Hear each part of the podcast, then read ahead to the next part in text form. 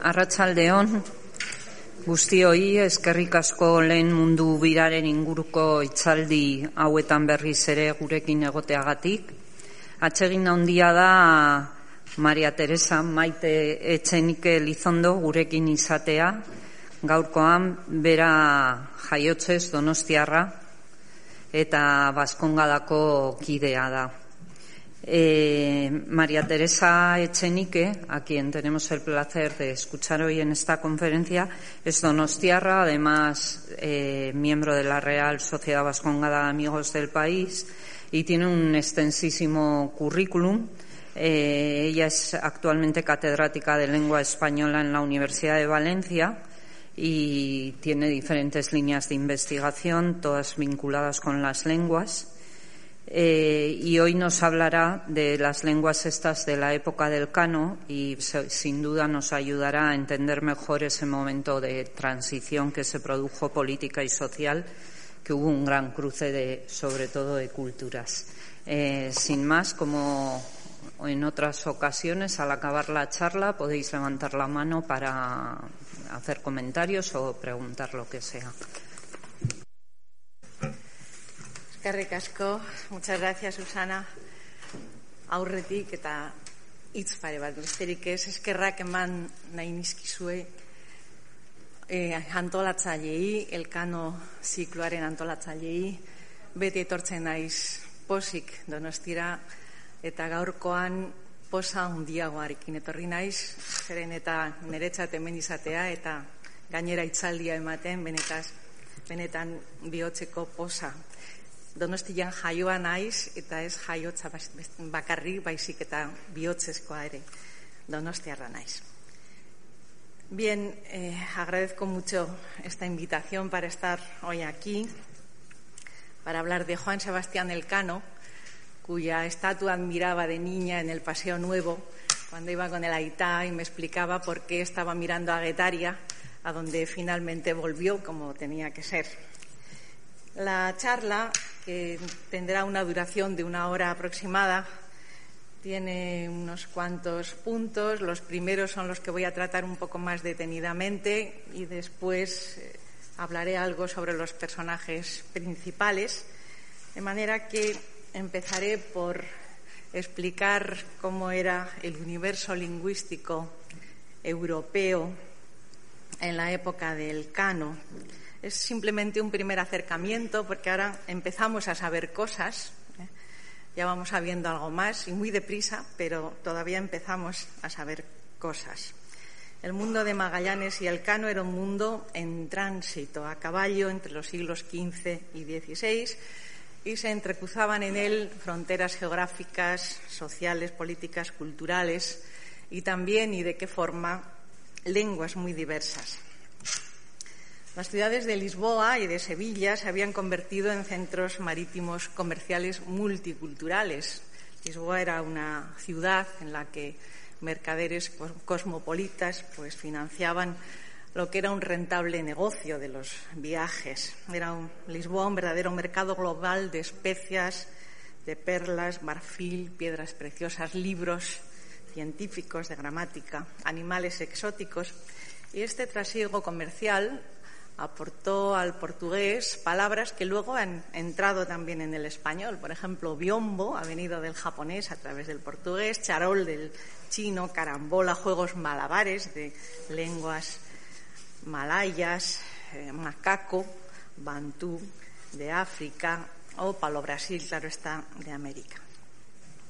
Bien, Magallanes llegó a Sevilla el 20 de octubre de 1517, ciudad en la que existía una poderosa colonia lusa agrupada en torno a don Jorge de Portugal, y ciudad, Sevilla, que se había erigido en capital de un mundo nuevo que iba ensanchando las tierras y sus orillas. A ella acudían aventureros de todo el mundo.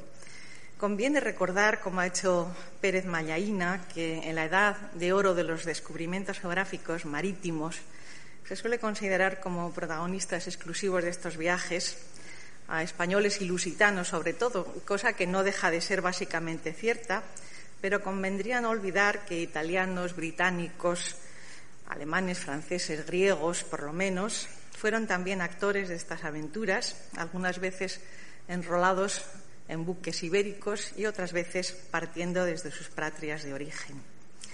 Y sería también signo de acusado eurocentrismo dejar de lado las travesías anteriores a nuestras fechas de los viajes hechos por polinesios o por los chinos, en especial los siete viajes del almirante He, que en el primer tercio del siglo XV navegó hasta la costa oriental de África, en tiempos del tercer emperador de la dinastía Ming y de su inmediato sucesor.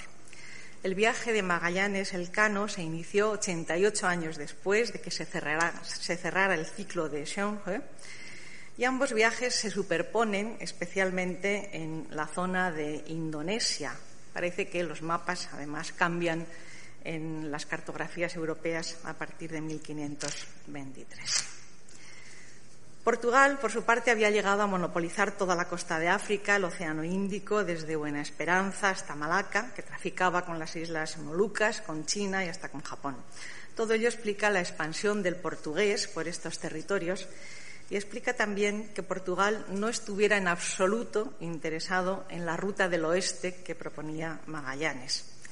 Pero Magallanes gestionó colaboraciones eficaces de orden técnico y financiero. Rui Faleiro, Faleiro era hombre de ciencia, prestigioso astrónomo, Cristóbal de Aro, que aseguraba la parte financiera de la empresa. Diego de Barbosa orientó sus primeros pasos en Sevilla y contribuyó a que fuera convincente en las entrevistas que Magallanes tuvo con Carlos I, que al parecer fueron muy detenidas.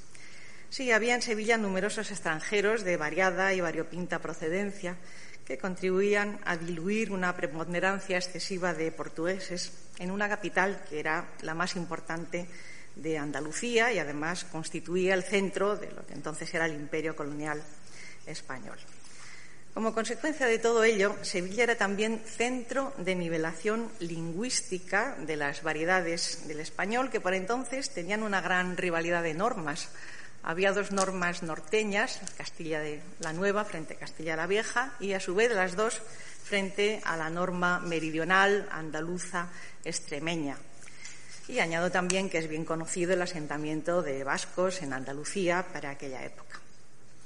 Por lo que respecta al País Vasco de aquel momento, Juan José Larrea ha señalado que el dinamismo económico que vive la costa en los siglos XV y XVI no tiene parangón en la historia vasca hasta la industrialización. Dinamismo que incluye la prosperidad que la industria naval conoció en el siglo XVI, como han estudiado entre otros Xavier Alberdi, Lourdes Olaizola, en concreto para Guipúzcoa, etc.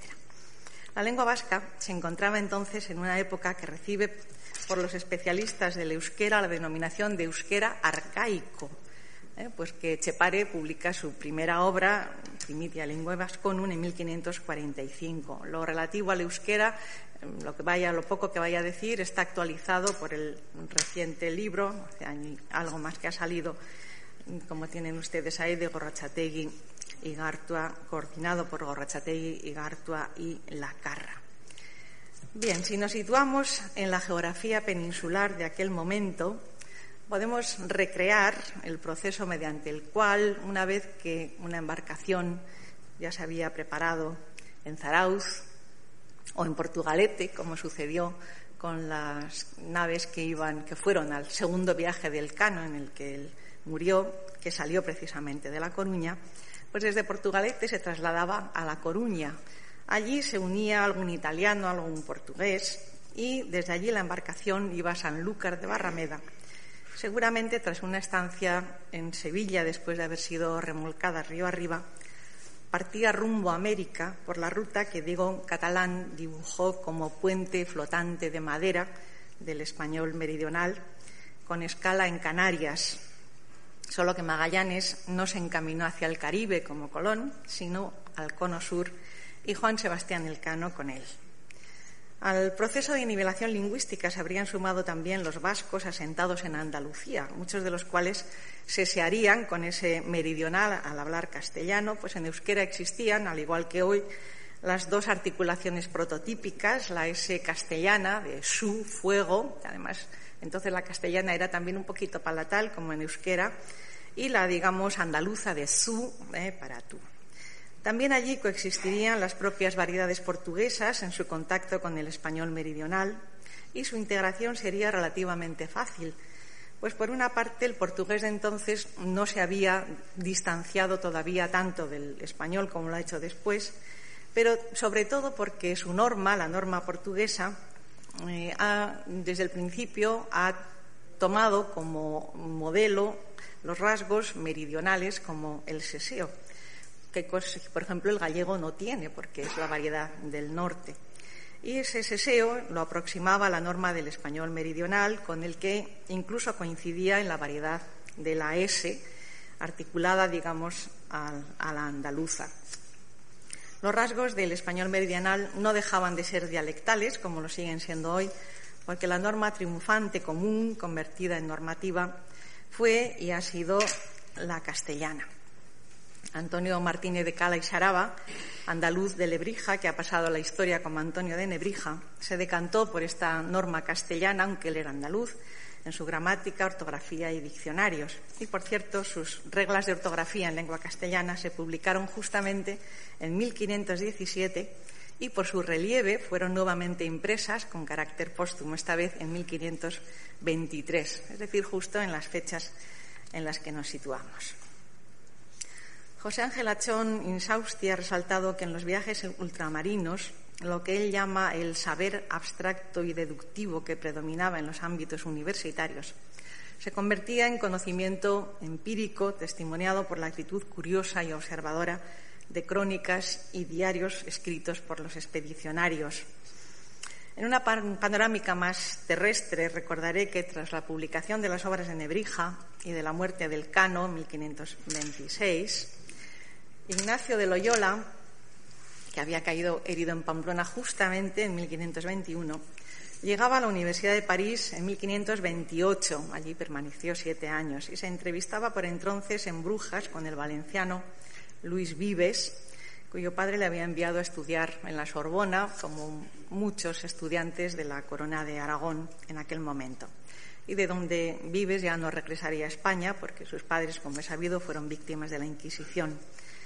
De manera que ese saber abstracto y deductivo que predominaba en los ámbitos universitarios, que decía José Ángel Achón, iba encontrando aplicación en un mundo que no solo se globalizaba por los viajes ultramarinos, sino que caminaba ya en búsqueda del intercambio cultural y lingüístico, no solo europeo, sino universal, como se hace patente al contemplar con asombro y admiración en plena frontera argentino-paraguaya la ciudad de San Ignacio, que es la cabecera del departamento San Ignacio, eh, con las sobrecogedoras ruinas históricas de la reducción jesuítica. Bien, Ignacio, cuatro años más joven que Juan Sebastián, nacido no lejos de Guetaria, conocedor del euskera, tuvo una formación muy académica luego en Alcalá de Henares, en París. Al igual que Vives, sabía castellano, catalán, parece que en Manresa Ignacio había aprendido catalán, latín, francés, italiano. No así el cano, o no tanto, aunque seguramente tenía conocimientos científicos y de latín, como ha señalado Chueca y Sasti, y tuvo contacto con otras lenguas, no al modo académico de Ignacio, sino de forma muy distinta por razón de su trayectoria todavía no bien conocida. Aún tenemos que saber mucho más de Juan Sebastián. Bien, por otra parte, en 1528 nacía Juana de Albret, reina de Navarra, monarca protestante, que tras convertirse al calvinismo promovió la primera traducción de la Biblia al euskera, en concreto el Testamentu Berría, calvinista, por cierto, realizado por Joanes de Leisarraga en 1571. Qué años tan importantes. Juan de Valdés retrata bien la convivencia de las lenguas en la península en 1535. Recordaré fugazmente lo que está señalado ahí en negrita, que eh, el castellano se conforma más con cualquiera de las lenguas peninsulares, claro, ocupaba una situación central y por eso aglutinaba mejor las variedades que habían surgido del latín. Y un poco más abajo dice de la vizcaína, esto es del euskera, querría saberos decir algo, pero como no la sé ni la entiendo, no tengo que decir de ella sino solamente esto, que según he entendido de personas que la entienden, esta lengua también a ella se le han pegado muchos vocablos latinos, los cuales no se conocen, no se reconocen, quiere decir, así por lo que les han añadido como por la manera con que los pronuncian. El texto de Valdés debió escribirse hacia 1535, pero había salido de España unos años antes, también por cautela ante la Inquisición, como Vives, y en fin, Ignacio tuvo también sus problemas con la Inquisición, como he sabido, por lo que este texto debe ser considerado reflejo del estado de opinión en el primer tercio del siglo XVI. Valdés no menciona el gallego, que estaba entonces sumido en los siglos oscuros, tampoco el asturiano, pero ambas modalidades seguían transmitiéndose oralmente de generación en generación, como hemos podido ver después, y algunos de sus hablantes se enrolaron en la Armada de Magallanes. Magallanes conocía otras lenguas, además del portugués, el español desde luego. Sabemos que hablaba una especie de lo que hoy llamaríamos portuñol, empleado eh, entonces y también ahora por portugueses instruidos, aunque para escribir cartas en castellano recurría a la ayuda de amanuenses. Y parece que sabía también malayo, pues había participado en la toma portuguesa de Malaca en 1511.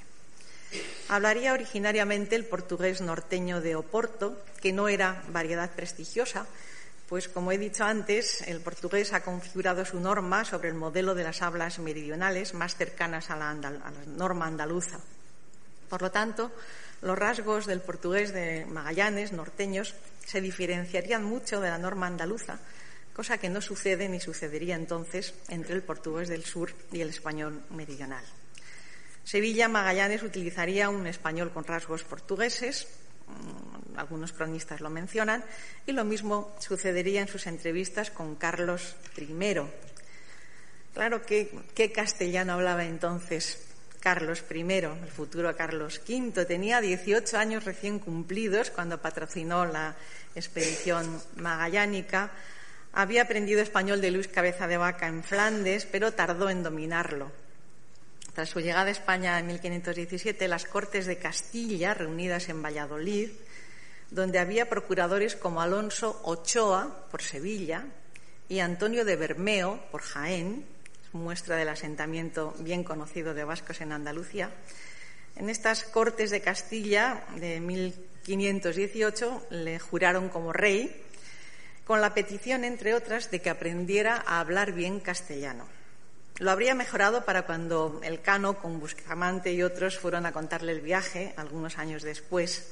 Y Carlos V se casó luego con su prima Isabel de Portugal, que seguro no ignoraba el español, pues es de sobra sabido que autores portugueses como el propio Camões escribieron poemas en castellano y un autor portugués como Gil Vicente ilustra los libros de la literatura española. Como muestra, recordaré que el castellano era la lengua en la que los jesuitas de cualquier lugar tenían que escribir a Roma por deseo de Ignacio.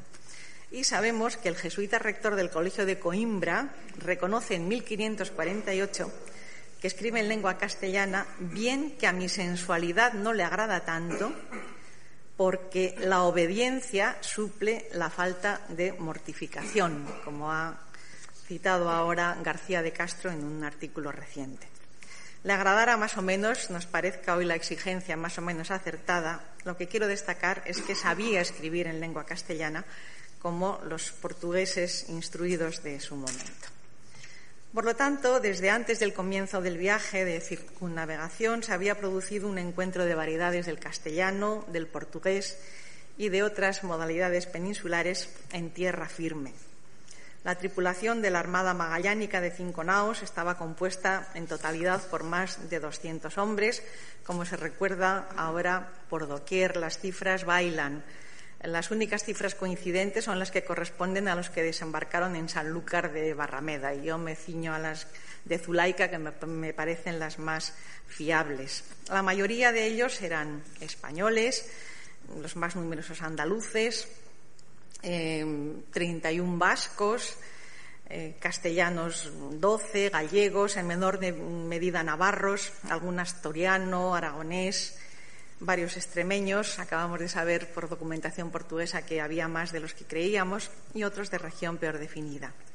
Entre los extranjeros los más numerosos eran los italianos, 27, portugueses 24, franceses 14. Entre los italianos estaba Pigafetta, que es una figura interesante a pesar de los problemas que causó y sigue causando a, Elcano. Eh, pero es eh, indudable que su valor antropológico eh, tiene que ser reconocido.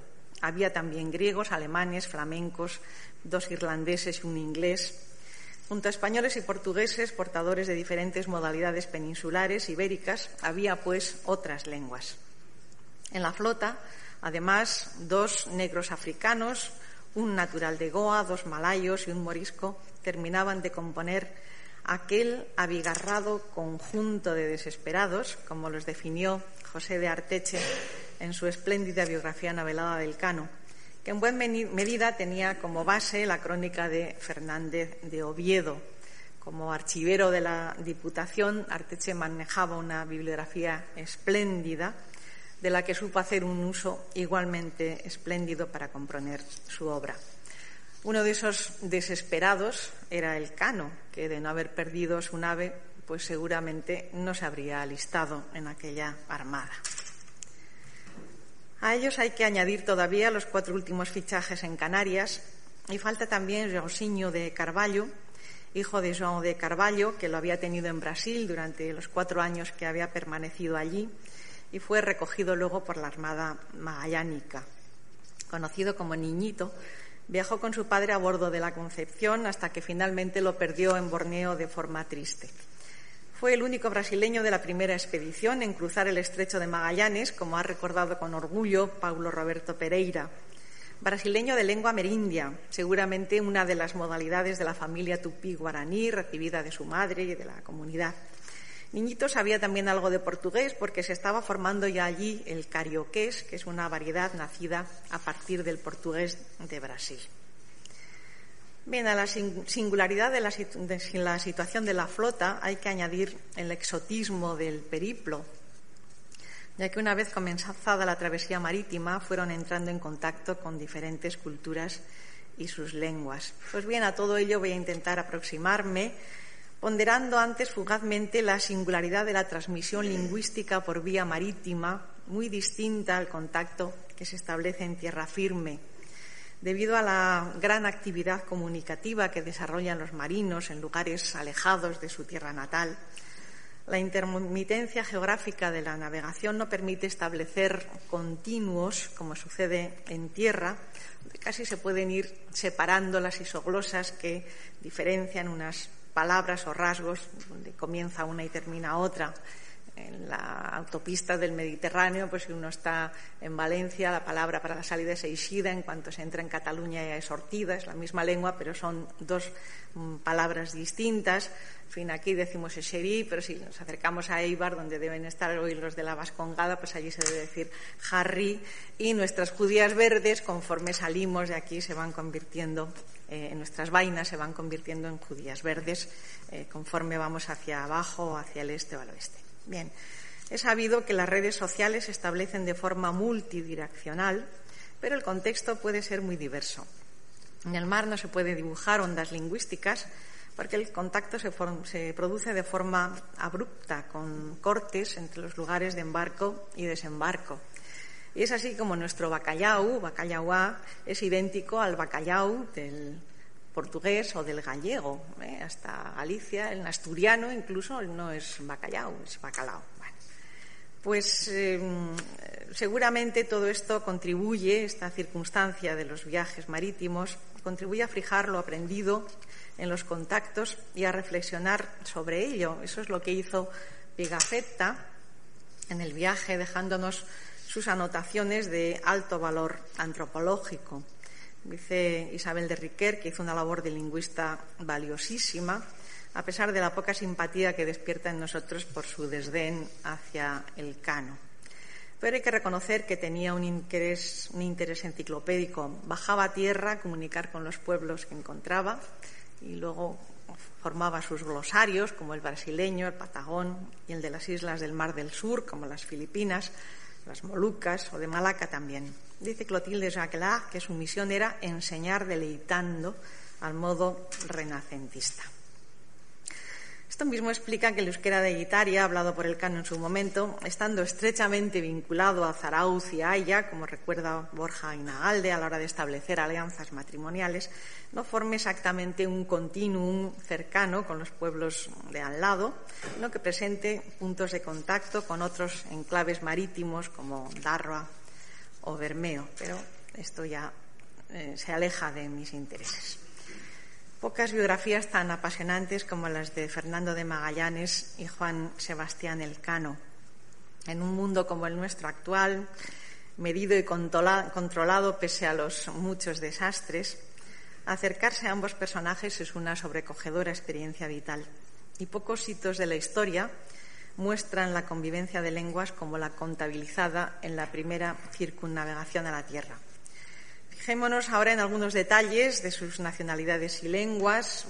El portugués norteño de Magallanes formaría un continuum con el gallego, puente a su vez entre el portugués y el castellano, que ya se había extendido por entonces por la península, sin olvidar que el, asturiano, al menos embarcó un asturiano, constituiría el eslabón entre gallego y el castellano de Cantabria, también hubo otro eh, que desembarcó en Sanlúcar de Barrameda, de Cantabria, y a su vez el portugués meridional confluiría con mayor naturalidad con el extremeño andaluz en su conexión con la norma meridional, como ya he dicho antes.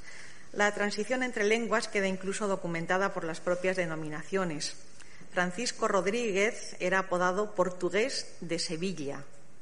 Bueno, Vasco Gómez Gallego, curiosa radiografía, Vasco Gómez castellano, gallego, para colmo de sobrenombre el portugués de Bayona, Bayona Pontevedra, pues evidentemente se era denominado así por razones lingüísticas y Nicolás el griego de Nauplia o Napflia, Napoli di Romania, lugar de encuentro por aquel entonces de griegos, francos y venecianos, pues está claro que él era griego.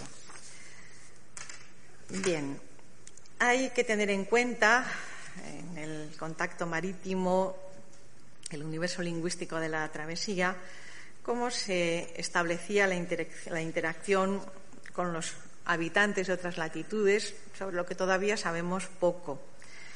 Y yo, claro, esta voy a hacer una mención muy esquemática. Canarias ya anuncia América, Cabo Verde al regreso, porque al ir pasaron por las islas de Cabo Verde y también las costas de Sierra Leona, pero sin tomar tierra. Brasil tocaron tierra en la bahía de Santa Lucía y Río de Janeiro. El diario de Pigafetta contiene la primera descripción antropológica de los tupinambás de Río de Janeiro. Allí recogerían a Niñito, que hablaría, como he dicho, una lengua de la familia guaraní, seguramente el guaraní en Bayá, un idioma amerindio del tupí guaraní. Y hoy se habla carioqués, pero como también he dicho, es una variedad formada a partir del portugués de Brasil, es decir, con posterioridad. Pensemos que entonces en Brasil había entre unas 500 o 1000 lenguas indígenas, de las que hoy solo se conservan unas 180. De, ellas la mayoría tiene menos de 1000 hablantes, es verdad. Solo 24 tienen más de 1000. Después, Argentina, el estuario del Río de la Plata, entre los actuales Uruguay y Argentina, de ahí a lo que Magallanes llamó la Patagonia, puerto de San Julián, horribles acontecimientos. Cruzan el estrecho de Magallanes en noviembre de 1520 y son bien conocidas las noticias sobre los patagones, que quizá hablar ante Huelche, lo acaba de recordar también Zulaika en su libro. Tehuelche más antiguo parece haber sido una lengua de tipo ergativo, como el euskera, ni naiz, baino nik ekarri dut. Esa K del ergativo es una característica. El euskera es una lengua ergativa y lenguas ergativas no hay muchas en el mundo. Y luego están todas muy lejos de aquí. Pues el tehuelche parece haber sido esa lengua de tipo ergativo. No me resisto a recordar una anécdota que nos, nos cuenta el cura Arizaga en su, la narración de su viaje Dice que no se sabe exactamente si en la Patagonia, quizá un poco más arriba, necesitaban víveres, bajaron a tierra, volvieron con víveres, diciendo que se habían entendido con los indígenas en euskera. Bueno, lo dejamos ahí, pero no deja de ser una anécdota simpática. Tres meses sin tocar tierra hasta llegar finalmente a las futuras Islas Marianas, a la isla de Guam en concreto, que ellos llamaron Islas de los Ladrones. La isla de Guam, la más meridional, sus habitantes y su lengua reciben hoy el nombre de chamorro, probablemente denominación originada a partir de la colonización española, pero la lengua ya se hablaría entonces. Por tanto, no es una lengua formada a partir del español, como el carioqués a partir del Brasil, sino que era, es una lengua anterior. Estas islas de Oceanía estuvieron vinculadas a España desde 1521 hasta 1898, como es sabido. El chamorro es una lengua malayo-polinesia de la familia austronesia, donde también se han buscado concomitancias con el euskera. De hecho, es una lengua aglutinante, como lo es el euskera, que lo añade todo al final de las palabras en lugar de separar preposiciones como las lenguas románicas. A los pocos días llegaron a Samar, Magallanes llamó Isla de San Lázaro, Filipinas, hoy se habla el idioma samareño, pero aunque divisó la isla, Magallanes no desembarcó, siguió, fondeó en Suluán, Luego desembarcó en Homonjón. Entraron en contacto con el rey de la isla de Butuán, donde ya se puede apreciar la influencia china por los vasos de porcelana y los velos de seda, aunque Pigafetta no diga exactamente que proceden de China, pero evidente, es, su rastro es evidente. Magallanes erigió una cruz en la cumbre de una montaña Pasaron después delante de otras islas y en 1521, el 7 de abril, llegaron a Cebú. Peripecias, plantaron una nueva cruz. El rey, la reina y varios cientos de súbditos se bautizaron y se supone que en latín, porque era la, la lengua de la época. Aún plantaron otra cruz sobre las cenizas de la arrasada aldea de Bulaya, les habían desobedecido, así que la quemaron. Pero la tarea evangelizadora se vino abajo con la muerte de Magallanes en lucha con el señor de Mactán y ya no volvieron a, plantarse más cruces. Luego Mactán, donde murió Magallanes, etc. Bien, hasta las Islas Canarias, las de Cabo Verde y la costa sur de Brasil, la expedición viajó por territorios explorados y cartografiados. Magallanes sabía cómo llegar a las Islas Molucas desde Filipinas, pues había participado en la toma portuguesa de Malaca en 1511. Pero la muerte de Magallanes y la huida de su siervo malayo filipino, Enrique, dejaron a la expedición desorientada. Por lo tanto, lo que podía haber sido un viaje breve desde Cebú a las Molucas se convirtió en una travesía de meses, del 1 de mayo al 7 de noviembre, que se fue enderezando con la ayuda de los moros. Así, Pigafetta escribe que retuvieron a bordo a 16 principales moros y a tres mujeres. Luego nos dice que a la salida de Mindanao capturaron un barco con jefes locales que sabían muy bien la posición de las islas Maluco. Y después, en Filipinas, ya en Sarangani, a fuerza viva capturamos dos pilotos para que nos condujesen a las islas Maluco. Bien, este viaje ya se iba solapando con la zona por la que un siglo antes se habían movido con facilidad y autoridad las flotas subsidiarias de He, según he dicho antes expedición de Magallanes, el Cano estuvo plagada de contratiempos y de dificultades. Tras la muerte de Magallanes en Filipinas, eligió jefe de la expedición a Gonzalo Gómez de Espinosa y, como es sabido, al frente de la nave Victoria a Juan Sebastián Elcano. Y después de llegar a las Molucas, que era el objeto del viaje, se emprendió el regreso a España. ¿Qué lenguas habían encontrado? Pues en Cebú, Magallanes plantó una gran cruz allí, allí fue a Mactán, donde murió víctima de una treta, como es sabido. Y en Bohol se habla cebuano, lengua que pertenece al grupo austronesio también, dentro de la rama occidental malayo-polinesia. Una lengua que utiliza la inclusividad, como hace el euskera. Si yo digo jaun, jaun, andreok, yo también me incluyo en esa invocación. Filipinas a la nave unas 170 lenguas, casi todas del grupo filipino, dentro de esa familia austronesia, la mayoría de, origen malayo-polinesio. Se hablan otras lenguas minoritarias y algunas por influencia de comunidades de inmigrantes y por motivaciones históricas, español, chino, árabe, japonés, malayo, coreano, algunas lenguas indostánicas, marco que recrea la panorámica del viaje, al igual que el contacto con las Molucas. Por otra parte, respecto al siervo malayo de Magallanes, Enrique, sobre el que hay una propuesta de que fue el primer hombre en dar la vuelta al mundo, ¿no? La primera vez habría ido por la, habría vuelto desde, desde Filipinas, donde lo compró Magallanes, por la ruta del eh, este y después habría ido desde Sevilla hasta otra vez las Molucas. Bueno, hay quien defiende, su origen malayo y quien defiende su origen filipino, concretamente cebuano. Eh, dice el historiador Carlos Quirino que Enrique había nacido en Cebú, donde fue capturado por piratas mientras pescaba y así fue vendido en Malaca, donde lo compró Magallanes. Y esto explicaría por qué conocía la lengua local cebuana, tan distinta de la que se hablaba en Malaca. Y parece que esto producía cierta envidia en Magallanes, al menos eso nos dice Stefan Zweig en su magnífica biografía sobre Magallanes. Digamos que los partidarios de convertir al esclavo cebuano en el primer hombre en dar la vuelta al mundo están llamados a crecer, le han hecho por ahí monumentos y seguramente esto va a crecer. Muerto Magallanes, la expedición seguramente no llegó a tocar China, pero como he dicho antes, de isla en isla los supervivientes fueron percibiendo su rastro. De las Islas Molucas salió la victoria en solitario para España en noviembre de 1521. Los pobladores de allí son una mezcla de austronesios, indonesios, malayos y papúas. En la actualidad hay población de origen portugués. Los árabes introdujeron el Islam en las Molucas desde la isla de Java en el siglo XV y el catolicismo apareció en el siglo XVI con los portugueses. Claro, los portugueses tenían la ventaja de circular en los mares asiáticos desde la expedición de Vasco de Gama y había un sustrato de redes comerciales tejidas en el lejano oriente con anterioridad al viaje de Magallanes. Esto sirvió de marco de recepción a la llegada de la flota, que según vamos conociendo hoy mejor a través de las crónicas de ambas expediciones, pues eh, explica mejor el viaje y la admiración que nos causa la exploración de la Micronesia y de las Filipinas.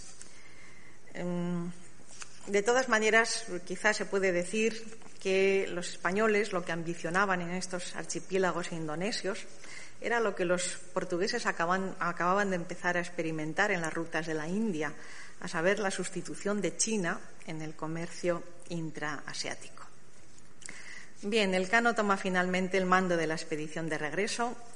La Trinidad se queda en Tidore para ser reparada y volver por el Pacífico y decide navegar por los mares portugueses hacia el oeste, bordeando África por rutas desconocidas conocidas y con la posibilidad de hacer aguadas para poder regresar a España. Pigafetta no menciona ni una sola vez al Cano, una vez que tomó el mando, pero podemos decir con mucha satisfacción que, por si acaso, decidió volver con el Cano en la victoria en lugar de haber elegido quedarse en la Trinidad, hubiera vuelto al cabo de varios años a Europa, eh, cosa que podía haber hecho.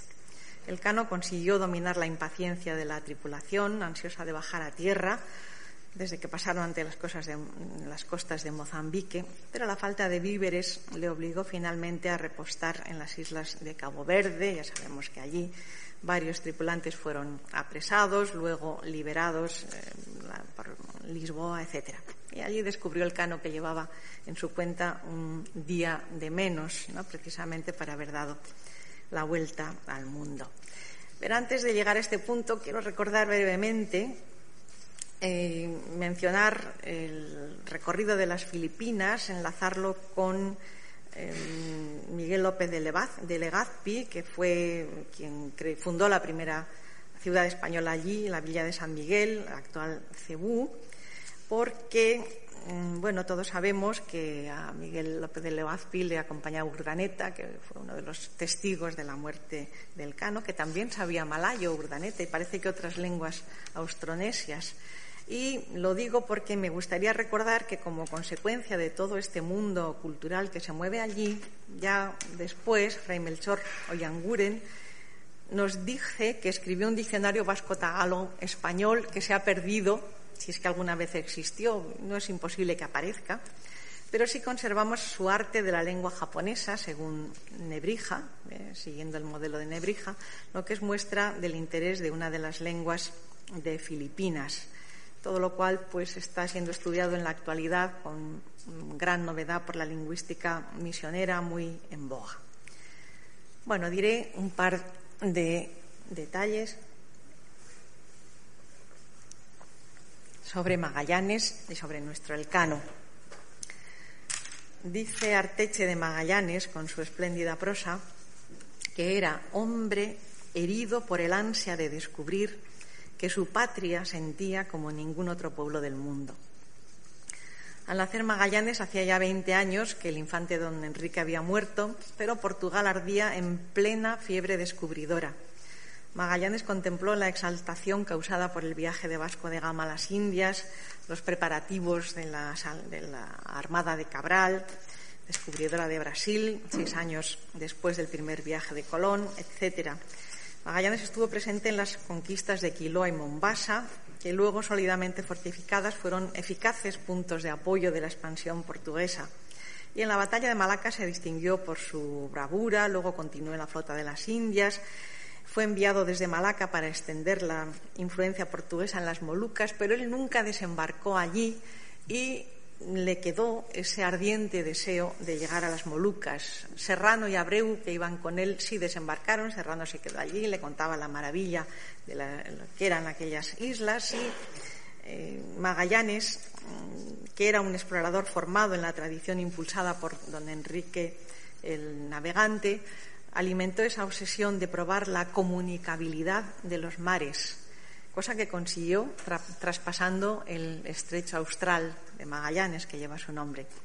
Solo que no fue él quien culminó la gesta, sino nuestro Elcano, quien al proseguir por el Océano Índico probaba esa comunicabilidad, es decir, la conexión intercontinental y particularmente entre los grandes focos comerciales que eran el mar Mediterráneo europeo y el otro mar Mediterráneo, que era el mar de la China. Por cierto, en el mar Mediterráneo europeo también había una lengua franca en la que se mezclaban italiano, eh, francés, español, árabe, turco para comerciar allí.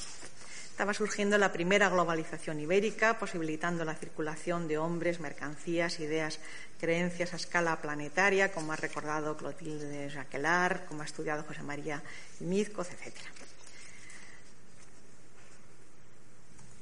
Y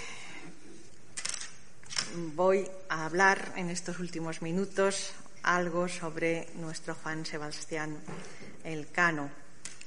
Salvador Bernabéu Albert ha puesto en, evidencia que pertenecía a una de las familias de Guetaria en claro ascenso social. Bueno, Borja Guinagalde ha estudiado bien la Guetaria de Juan Sebastián Elcano, que había heredado el nombre de la ascendencia paterna.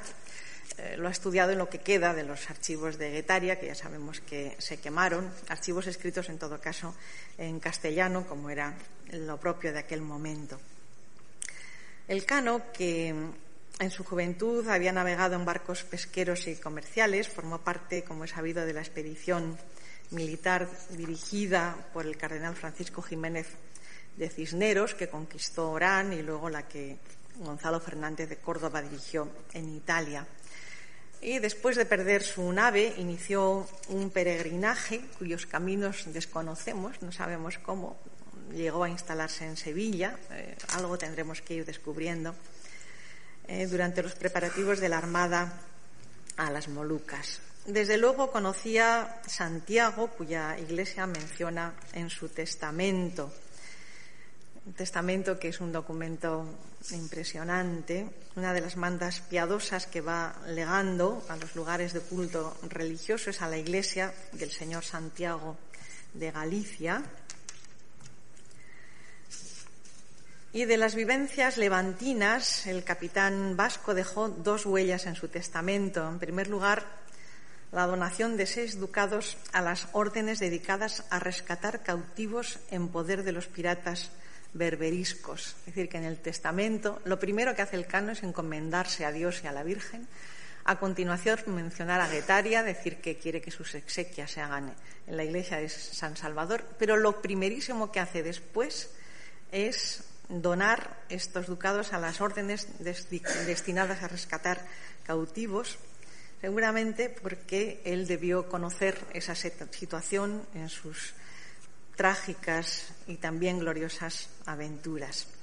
Y en segundo lugar, menciona también a la Santa Faz, el monasterio de la Verónica de Alicante, estando en lecho de muerte, promete peregrinar a la iglesia alicantina, dice, pero consciente de que yo no puedo cumplir, dejo una manda de seis ducados para que un romero vaya por mí.